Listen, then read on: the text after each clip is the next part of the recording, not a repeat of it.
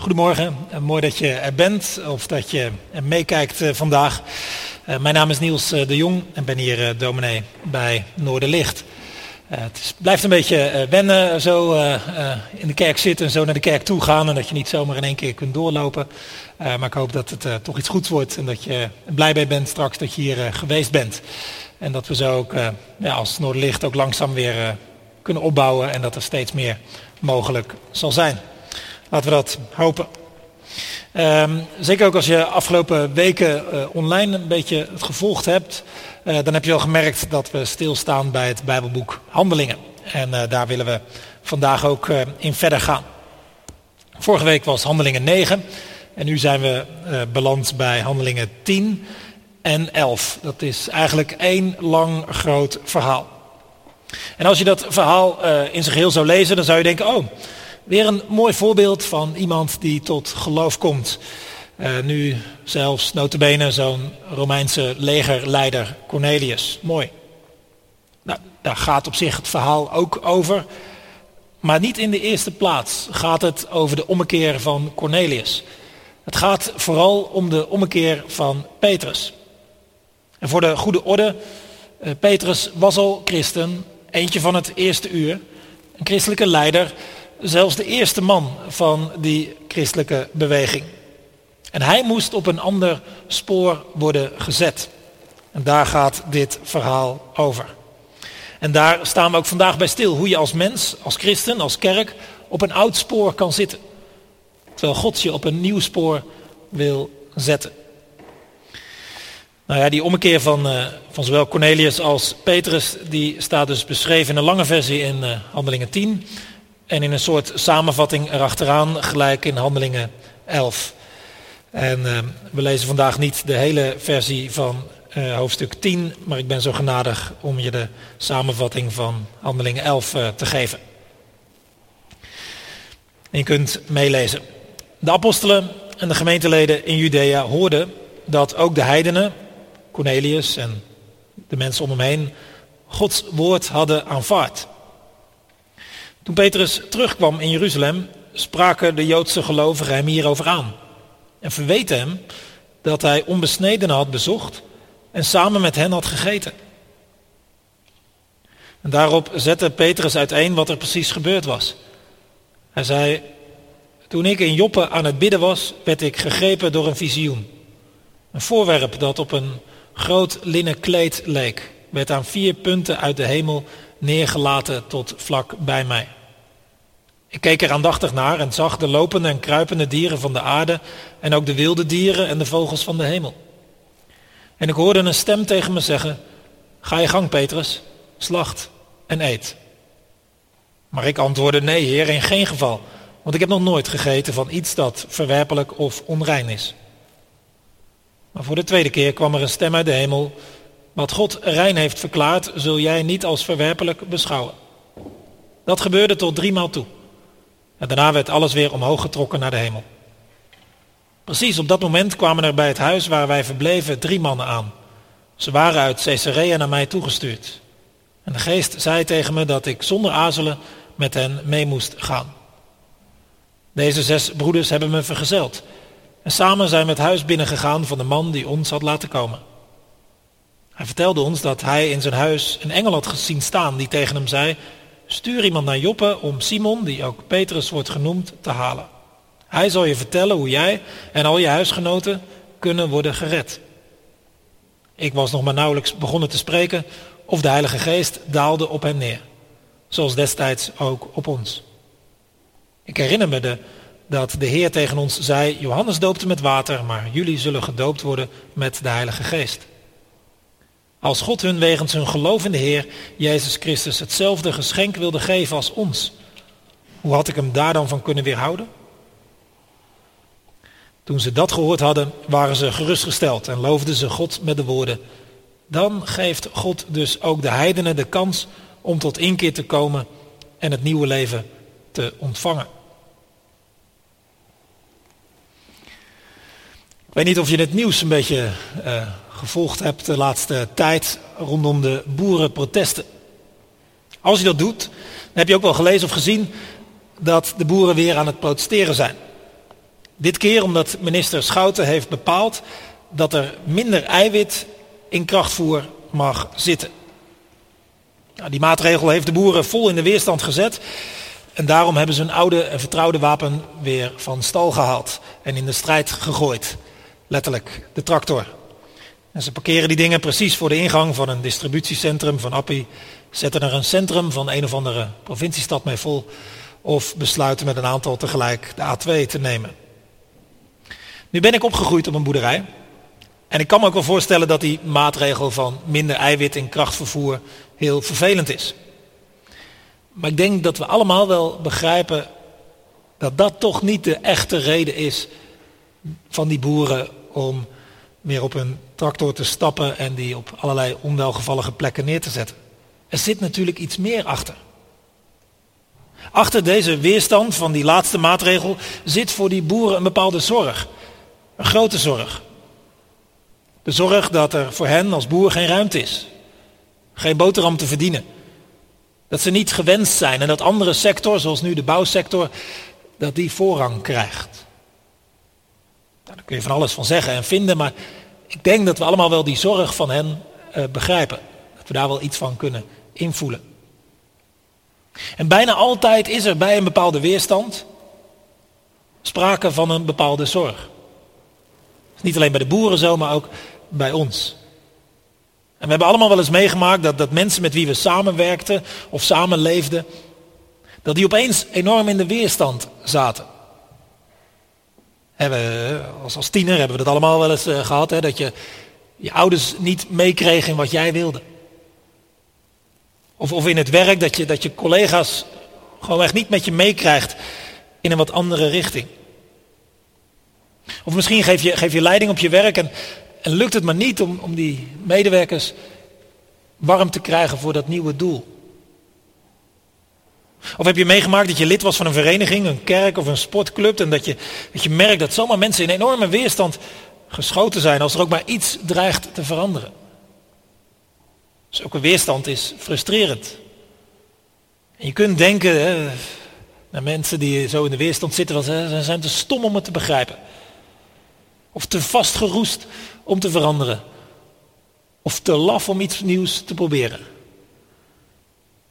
Nou, als mensen merken dat je zo denkt, dan zal de weerstand alleen maar toenemen. En dat zie je nu denk ik ook bij die boeren gebeuren. En wat je ook kunt proberen, en dat is makkelijker gezegd dan gedaan, is om dit te beseffen. Achter iedere vorm van weerstand, ook zelfs onterechte weerstand, zit een bepaalde zorg. Achter iedere vorm van weerstand zit een terechte zorg. En dat je dus afvraagt als je weerstand voelt, welke zorg zit erachter? He, bijvoorbeeld die collega's van je die zijn misschien bang dat ze iets moeten doen wat, wat ze niet aankunnen. Dat het te veel is voor ze. Of die ouderen in die vereniging zijn misschien bang dat, dat wat zij hebben opgebouwd, dat dat te grabbel wordt gegooid. Of die ouders van je zijn misschien bang dat, dat je ze hebt afgeschreven. Dat je ze niet meer moet. Nou ja, welke zorg er ook achter de weerstand zit. Als je de zorg begrijpt, dan weet je wel waar het punt zit waar je op in moet gaan, waar je wat mee moet doen. En als je die zorg kunt wegnemen, dan heb je kans dat het tot de gewenste verandering komt. Misschien wel eentje waar iedereen in meegaat, waar iedereen blij van wordt. Nou, een mooi voorbeeld daarvan zie je hier in Handelingen 11. De zorg erachter wordt weggenomen door Petrus als hij geconfronteerd wordt met felle weerstand. Als Petrus namelijk terug is gekomen in Jeruzalem, dan wordt hij door die Joodse gelovigen aangesproken op wat er is gebeurd. Hij kwam uit Caesarea, een stad die genoemd was naar de keizer, een soort Grieks-Romeinse enclave aan de kust van Israël. En vanuit dat Caesarea probeerden de Romeinen de controle te houden over Israël. En in Caesarea woonden ook wel wat Joden, maar, maar vooral heel veel niet-Joden. En Petrus heeft daar wonderlijke dingen meegemaakt. Een Romeinse legerleider uit het middenkader. Uh, en in zijn gevolg zijn gezin en zijn hele huishouding hebben zich bekeerd tot het christelijk geloof. Wat een doorbraak in de nieuwe beweging. Iedereen is blij, zou je denken. Dat in zo'n Romeinse bolwerk er nu ook christenen waren. Flinke stap vooruit als het gaat om die missie van Jezus in Handelingen 1. Dat, uh, dat het goede nieuws tot aan de uiteinde van de wereld moest komen. Dit is echt een goede stap in de goede richting. Maar nee, bij terugkomst wordt Petrus dus helemaal niet van blijdschap op de schouders geslagen of met applaus binnengehaald. Nee, integendeel. De verwijten zijn niet van de lucht. En Petrus moet zich gelijk verantwoorden. Die gelovigen in Jeruzalem zitten dus vol in de weerstand. En achter die weerstand zit een zorg. En die zorg, die moeite zat er erin in dat Petrus als Joodse gelovige onbesnedenen, niet-Joden, had bezocht en samen met hen had gegeten. Vers 3 staat dat. Ja, dat die niet-Joden het goede nieuws van Jezus moesten horen, dat, dat wisten ze wel en daar waren ze het ook mee eens. Maar volgens hen was Petrus een stap te ver gegaan, een grote stap te ver gegaan, door die Romeinse mensen in hun huis op te zoeken en samen met hen te eten. Waarom was dat een stap te ver? Nou, ze waren bang dat hij, Petrus, hun leider, hiermee het onderscheid teniet deed. Het onderscheid tussen het Joodse volk en de niet-Joden. En dat onderscheid moest er, wat hem betreft, blijven. Want die Joodse gelovigen waren wel christen geworden, maar ze waren zich ook nog steeds heel bewust van hun Jood zijn. Ze stonden in een traditie van, van generaties die bijzonder veel moeite had gedaan om überhaupt als volk te overleven. Ze hadden eeuwen van afzondering achter de rug.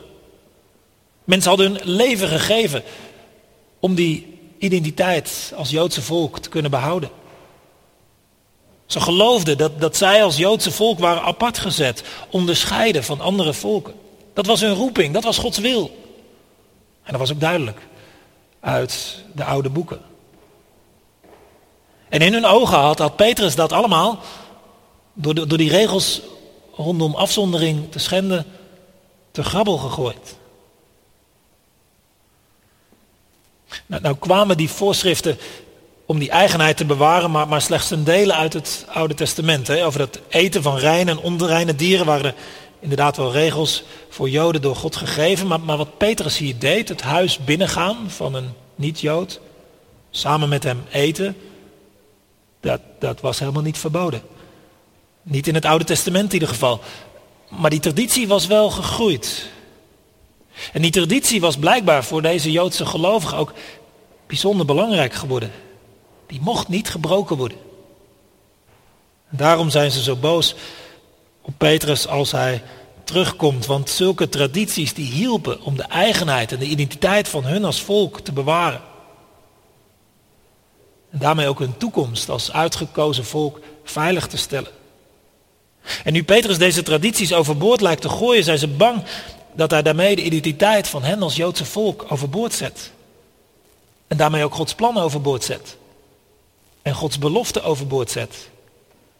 Dat was hun zorg. Nou, die reactie van Petrus vind ik wel mooi eigenlijk. In, wat, uh, in de evangelie van het Nieuwe Testament komt Petrus naar voren als, als iemand met het hart op de tong, als, als een beetje een opgewonden standje. En je had je kunnen voorstellen dat zijn reactie ook wat bozig was geweest. Wie zijn zij om hem als leider zo aan te vallen? Heeft zoveel bijzonders meegemaakt.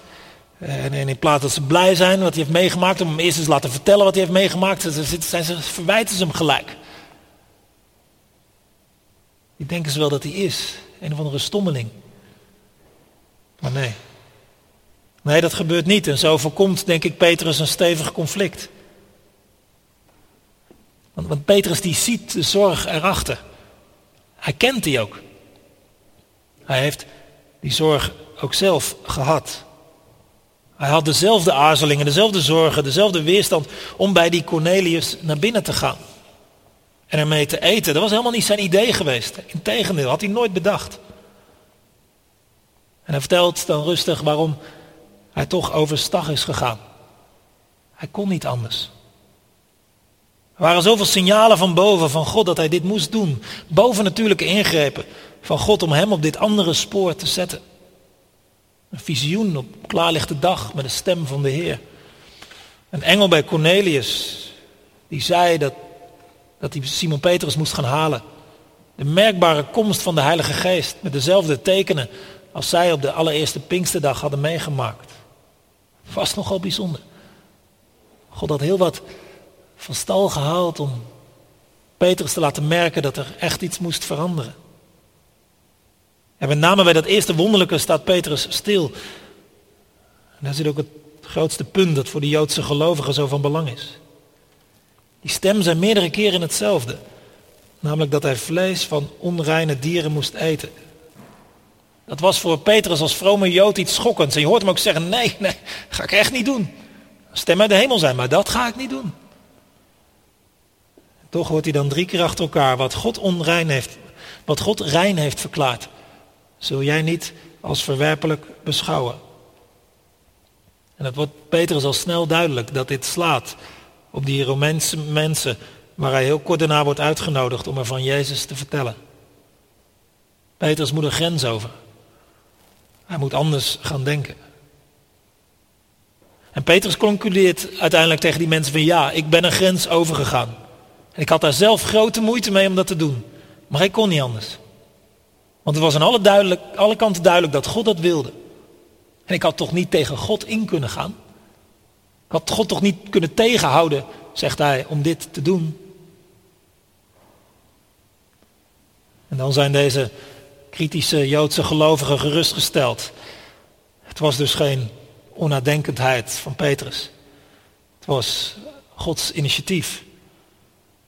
En, en, ze zijn niet alleen gerustgesteld, ze beginnen zelfs God te loven. Dat, dat, dat de heidenen, niet-Joden, dezelfde kansen krijgen als zij. En de sfeer is helemaal omgeslagen. Ze zijn met elkaar blij wat er is gebeurd, dat er een nieuwe fase is aangebroken. Waarin iedereen, uit welk volk dan ook, de kans krijgt om zich aan te sluiten bij God en het volk van God. Want God maakt dus helemaal geen onderscheid meer. En Jezus is er voor iedereen. De weg naar God is dus voor niet-Joden plotseling hetzelfde geworden als voor de Joden. Die weg begint met inkeer. Oftewel je omkeren van je oude leven. En die weg naar God toe vervolg je door in Jezus te geloven. Oftewel je vertrouwen op Hem te stellen. En dan er is het nieuwe leven. Daar wordt over gesproken. Een leven dat begint met vergeving. Voor Joodse christenen was dit wel even wennen, dat, dat, dat dit zo open lag voor iedereen die maar wilde. Maar misschien wel in iedere tijd hebben christenen moeite gehad. De neiging gehad ook om, om mensen uit te sluiten of minder kansen te geven op dat goede nieuws. En daarom is dit verhaal belangrijk voor iedere tijd, voor christenen overal. Om te begrijpen wat Petrus in Handelingen 10, vers 34 zegt. Nu begrijp ik pas dat God geen onderscheid maakt tussen mensen, maar dat Hij zich het lot aantrekt van iedereen, uit welk volk dan ook. Ik denk dat als we dan zo deze weerstand begrijpen, de zorg die erachter zit, de uitleg van Petrus, dat we dan goed voorgesorteerd staan om de boodschap uit dit verhaal op te pakken. Ik wil twee boodschappen bespreken. De eerste ietsje langer, de tweede wat korter. De eerste is een wat kritische boodschap, zeker voor christelijke lezers. En de tweede boodschap is een hoopvolle. Eerst maar die, die kritische boodschap. Die Lucas, de schrijver van dit verhaal, wilde, wilde meegeven. Die, die, die boodschap zou je kunnen samenvatten met deze oude spreuk. Heidenen bekeren is een christelijk werk, maar christenen bekeren is een heidenswerk. Die spreuk past helemaal bij dit verhaal. De heiden, het, klinkt een beetje lelijk, maar zo bedoelt de spreuk dat volgens mij niet. Het betekent de niet-gelovigen. De niet-gelovige uit dit verhaal is Cornelius. En zijn ommekeer gaat buitengewoon soepel en snel. Blijkbaar stond hij al, is een beetje al helemaal klaar om christen te worden. Zulke mensen heb je wel eens. En, en, en, en Cornelis en zijn mensen die, die omarmen ook direct het nieuwe leven. Ze ontvangen de Heilige Geest. Allemaal prachtig. Het voelt alsof God maar weinig moeite hoeft te doen om deze Cornelius te betrekken bij het evangelie, het goede nieuws van Jezus Christus. Die ommekeer van Petrus, dat is een ander verhaal. Die gaat veel moeizamer. Zoals ook die Joodse gelovigen zich ook niet zomaar op een ander spoor laten zetten. Dat blijkt een heidens karwei te zijn. God moet er nogal veel moeite voor doen om die Petrus op een ander spoor te krijgen. Een visioen, drie keer een stem uit de hemel. Precies de boodschap is op het juiste moment voor de deur van waar is. Nog een indruk van de Heilige Geest die zegt ja, ga maar. En dan nog de merkbare komst van de Heilige Geest op die mensen daar. God moet echt heel veel uit, ehm, heel veel doen, heel veel moeite doen om deze Petrus te bekeren, op een ander spoor te zetten. En helaas, dit is niet de laatste keer dat christenen moeite hebben om op het spoor van God te komen. Christenen kunnen zomaar op een oud spoor blijven zitten of op een verkeerd spoor. Wat betreft een oud spoor, ook christenen hebben nogal eens de neiging gehad en hebben die nog steeds geregeld om bepaalde tradities boven de woorden van God te stellen. Gebeurt nog steeds dat christenen zo overtuigd zijn van hun goede gewoonten en hun oude tradities, dat ze helemaal missen waar God zelf mee bezig is. Een verkeerd spoor kan ook. Geschiedenis kent allerlei voorbeelden van christenen die vreselijk miszaten. Die godgeklaagde ideeën hadden over mensen met een andere huidskleur, om maar een voorbeeld te noemen. Daarom, als je christen bent of bij de kerk hoort, dan moet je erop bedacht zijn dat God je uit oude sporen wil halen of van een verkeerd spoor wil trekken. En je kunt niet wegkomen van ja, maar dat heb ik nog nooit gedaan. Je kunt niet meer wegkomen, oh, dat is me anders geleerd. Daar kon Petrus ook niet mee wegkomen. En tot drie keer toe wijst God erop dat hij toch echt moet veranderen. Misschien moeten jij en ik ook wel anders gaan denken. Bijvoorbeeld hoe we kijken naar mensen met een andere achtergrond qua ras, of cultuur of opleiding. Of misschien wil God, om maar wat te noemen, jou en mij wel anders naar moslims laten kijken. Misschien is hij wel van plan zijn geest daar uit te storten en dat velen tot geloof komen.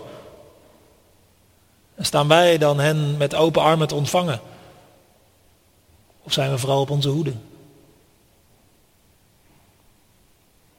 Of misschien wil hij jou wel inschakelen om een grens over te steken naar een studiegenoot of een collega of, of, wie dan ook maar op je pad komt. En misschien heb je diezelfde innerlijke grens als, als, als Petrus, dat je, dat je denkt, dat, dat wil ik helemaal niet. Maar wil God jou er overheen hebben? Wil hij jou naar die ander krijgen? Laat je dat dan gebeuren?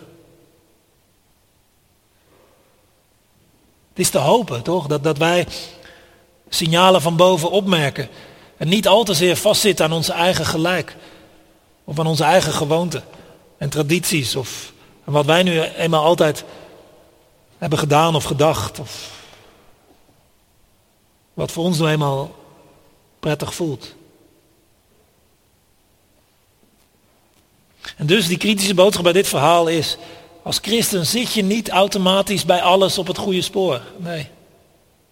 En wees er bedacht op dat God je zomaar een grens over wil hebben, naar anderen toe, op een ander spoor wil trekken, zodat je met Hem mee kunt werken. Zodat je Hem aan het werk zult zien. Zodat je met Hem mee kunt doen in het nieuwe, in het verrassende, waar Hij mee bezig is. Als kerk is dat ook de vraag.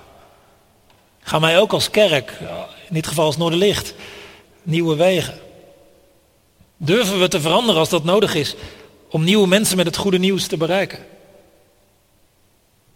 Of laten we onszelf, ook al bestaan we nog niet eens zo lang, toch weer vastroesten omdat we nu helemaal iets hebben gevonden dat ons bevalt? Dat zijn de vragen die dit gedeelte ons stelt. Ik denk ook dat je deze waarschuwing dan uit kunt halen. Als je dat niet doet. Als je in de weerstand blijft. Als je in je eigen groef blijft. Met je eigen mensen, met je eigen bubbel, met je eigen gelijk. Dan zul je minder en minder van God zien. Dan zul je minder en minder God aan het werk zien.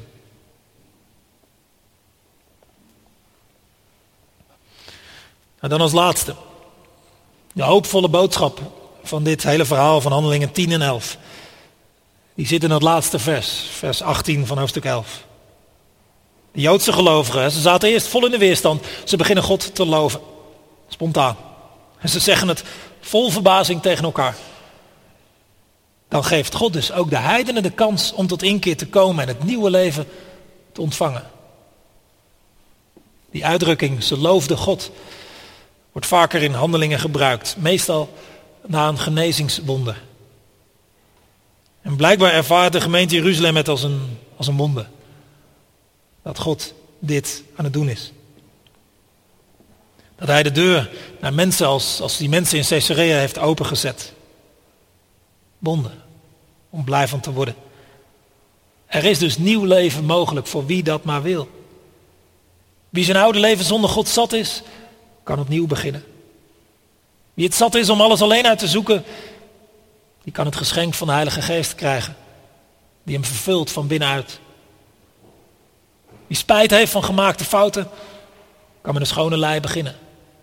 Wie doodloopt, vastloopt, niet meer weet waar hij heen moet, kan zomaar een nieuw leven krijgen. Wie je ook bent, wanneer ook maar.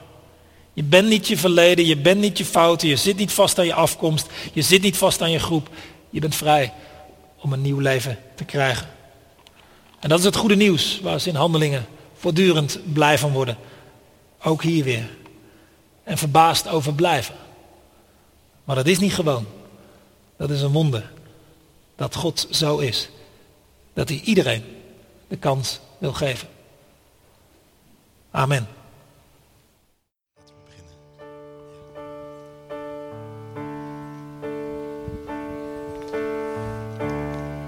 There's nothing worth more that will ever come close. Nothing can compare. You're our living hope. Your presence, Lord.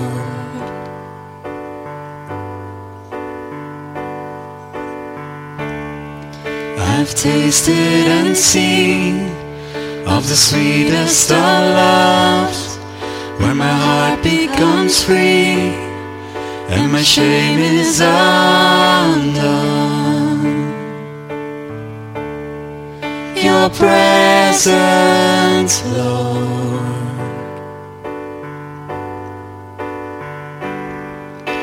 Holy Spirit, you are welcome here. Come flood this place and fill the atmosphere. Your glory, God, is what our hearts long for. To be overcome by your presence, Lord.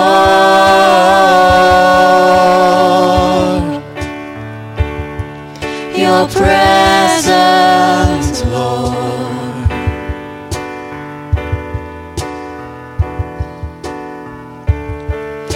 There's nothing worth more that will ever come close. Nothing can compare. You're our living hope. Your presence, Lord.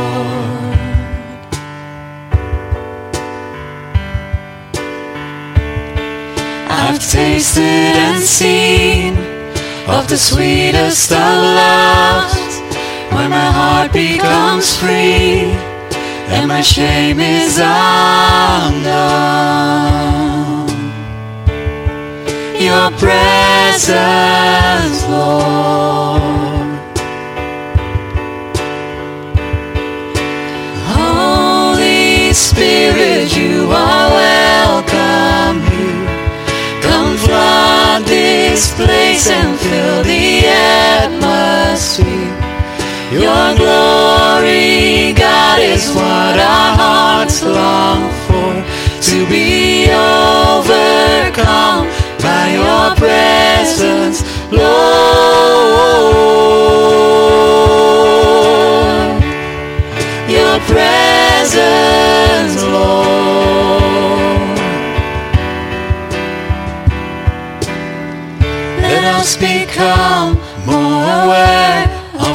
Presence. Let us experience the glory of your goodness. Let us become more aware of your presence. Let us experience the glory of your goodness. Let us become more aware of your presence. Let us experience the glory of your goodness.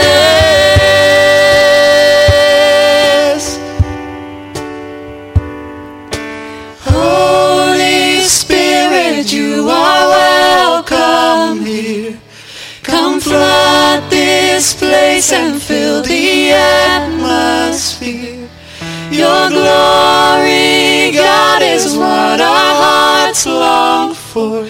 To be overcome by your presence, Lord.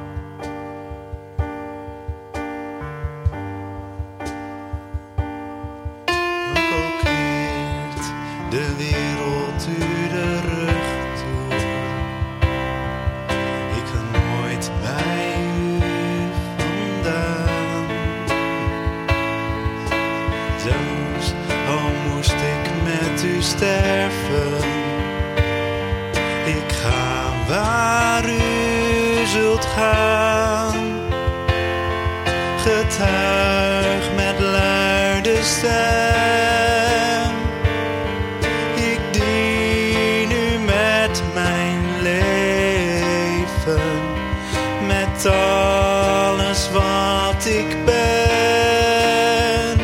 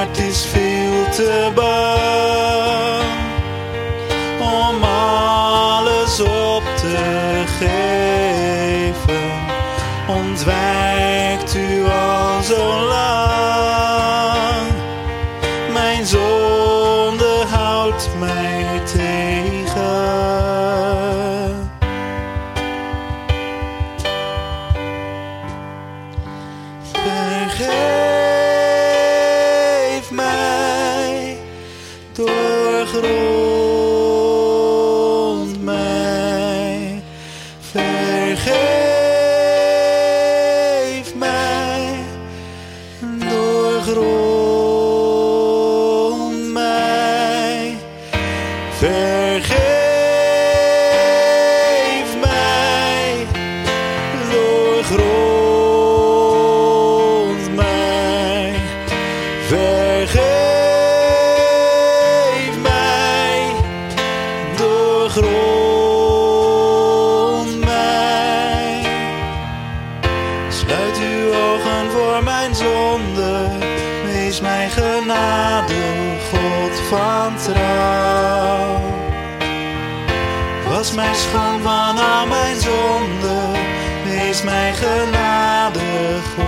van trouw.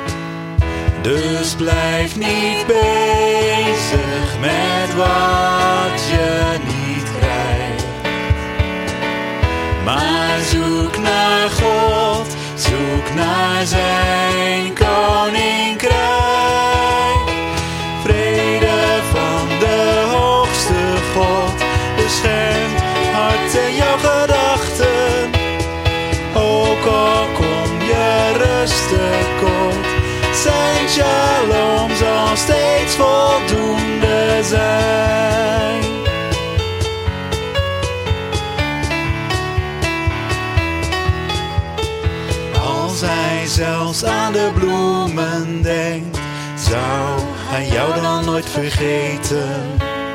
Niemand voegt door bezorgd te zijn, ooit een dag toe aan zijn leven. Dus blijf niet bezig met wat je niet krijgt. Maar zoek naar God, zoek naar zijn koninkrijk. Vrede van de hoogste God beschermt je hart en jouw gedachten.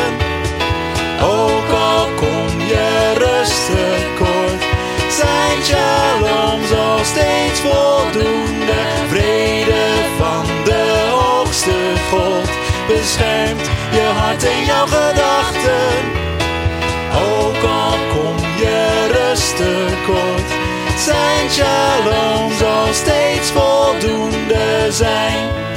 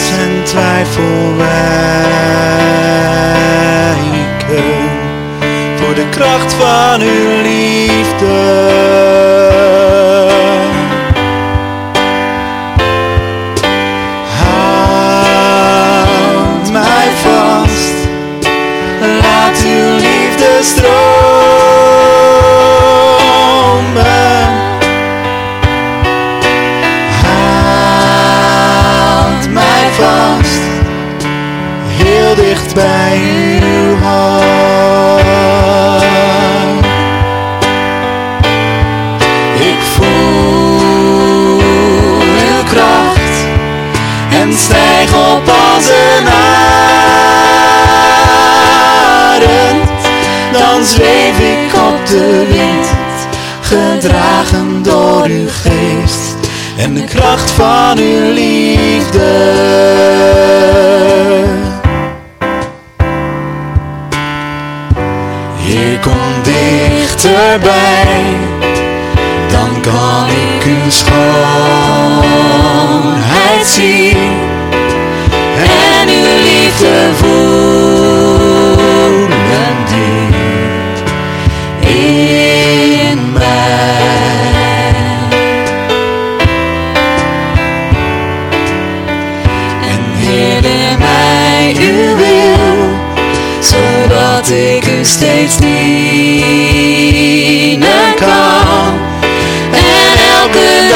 dag mag leven